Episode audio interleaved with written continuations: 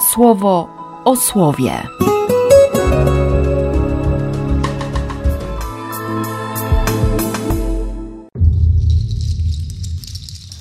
8 czerwca, wtorek. Z drugiego listu do Koryntian. Bo naszym powodem do chluby jest świadectwo naszego sumienia, że postępowaliśmy na tym świecie, a zwłaszcza u Was, z prostotą i szczerością pochodzącą od Boga. I nie opieraliśmy się na mądrości doczesnej, lecz na łasce Boga. Bo i teraz nie piszemy Wam o czymś innym, niż o tym, co właśnie czytacie i co rozumiecie. A mam nadzieję, że do końca tak rozumieć będziecie, jak już nas częściowo zrozumieliście, że w dniu Pana naszego Jezusa tak samo my waszą, jak wy naszą chlubą będziemy.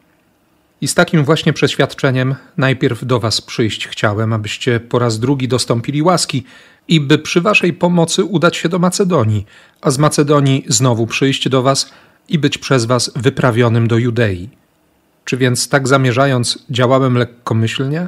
I gdy co zamierzam, to dla przelotnej zachcianki zamierzam? Także u mnie tak, tak byłoby i nie, nie. Jak Bóg wierny, nasze słowo do Was nie jest i tak, i nie. Bo Syn Boży, Jezus Chrystus, ogłoszony Wam przez nas, a dzięki mnie także przez Sylwana i Tymoteusza, nie był i tak, i nie, lecz w nim tylko tak było bo ile było obietnic Boga, w nim tylko tak. Stąd i od nas przez niego Amen, tak, Bogu na chwałę. A tym, który nas i was równocześnie umacnia i namaszcza dla Chrystusa, jest Bóg. On też nas pieczęcią oznaczył i On w sercach naszych umieścił ducha jako porękę. Na me życie, Bóg mi świadkiem, że tylko dla oszczędzenia was nie przybyłem dotąd do Koryntu. Nie znaczy to, że my władamy waszą wiarą, lecz że jesteśmy współtwórcami waszej radości, bo przecież trwacie w wierze. Z Ewangelii według świętego Mateusza. Wy jesteście solą ziemi. Lecz jeśli sól straci swój smak, czy da się ona czymkolwiek posolić? Już do niczego się nie nadaje, chyba do wyrzucania na dwór i podeptania przez ludzi. Wy jesteście światłem świata. Nie może się ukryć miasto leżące na górze. Ani nie zapalają lampy i nie kładą jej pod korcem, lecz na świeczniku i świeci wszystkim w domu. Niech tak świeci wasze światło przed ludźmi, aby widzieli wasze dobre uczynki i oddali chwałę Ojcu waszemu w niebie. Bo nie o zachcianki chodzi i nie o bycie chorągiewką na wietrze, i nie o nieustanne zmiany zdania, ale o oparcie na konkretnym, mocnym fundamencie wiary, na słowie Boga, który jest wierny wobec wszystkiego, co powiedział. Ile było obietnic w Chrystusie tylko na tak. Na tej podstawie my możemy mówić Amen. Nawet jeśli obietnice Boga wydają się najbardziej niemożliwe i absurdalne na tym świecie, mogę mu powiedzieć Amen jak to w szlagierach śpiewają pielgrzymkowych, nie? Tak jak Maryja i Józef. Oczywiście nikt tam nie śpiewa wtedy o, o tych wewnętrznych zmaganiach, o bitwach, które było trzeba stoczyć ze samym sobą. Ile było niepokoju, ile niewiadomych, ile ciemności. Ale On nas swoją pieczęcią oznaczył i On w naszych sercach umieścił ducha jako porękę. Chciałoby się powiedzieć, że wpłacił kaucję, zostawił jakieś wadium, bo on jest pewny, że dotrzyma słowa. Z nami bywa różnie, ale na szczęście możemy wracać.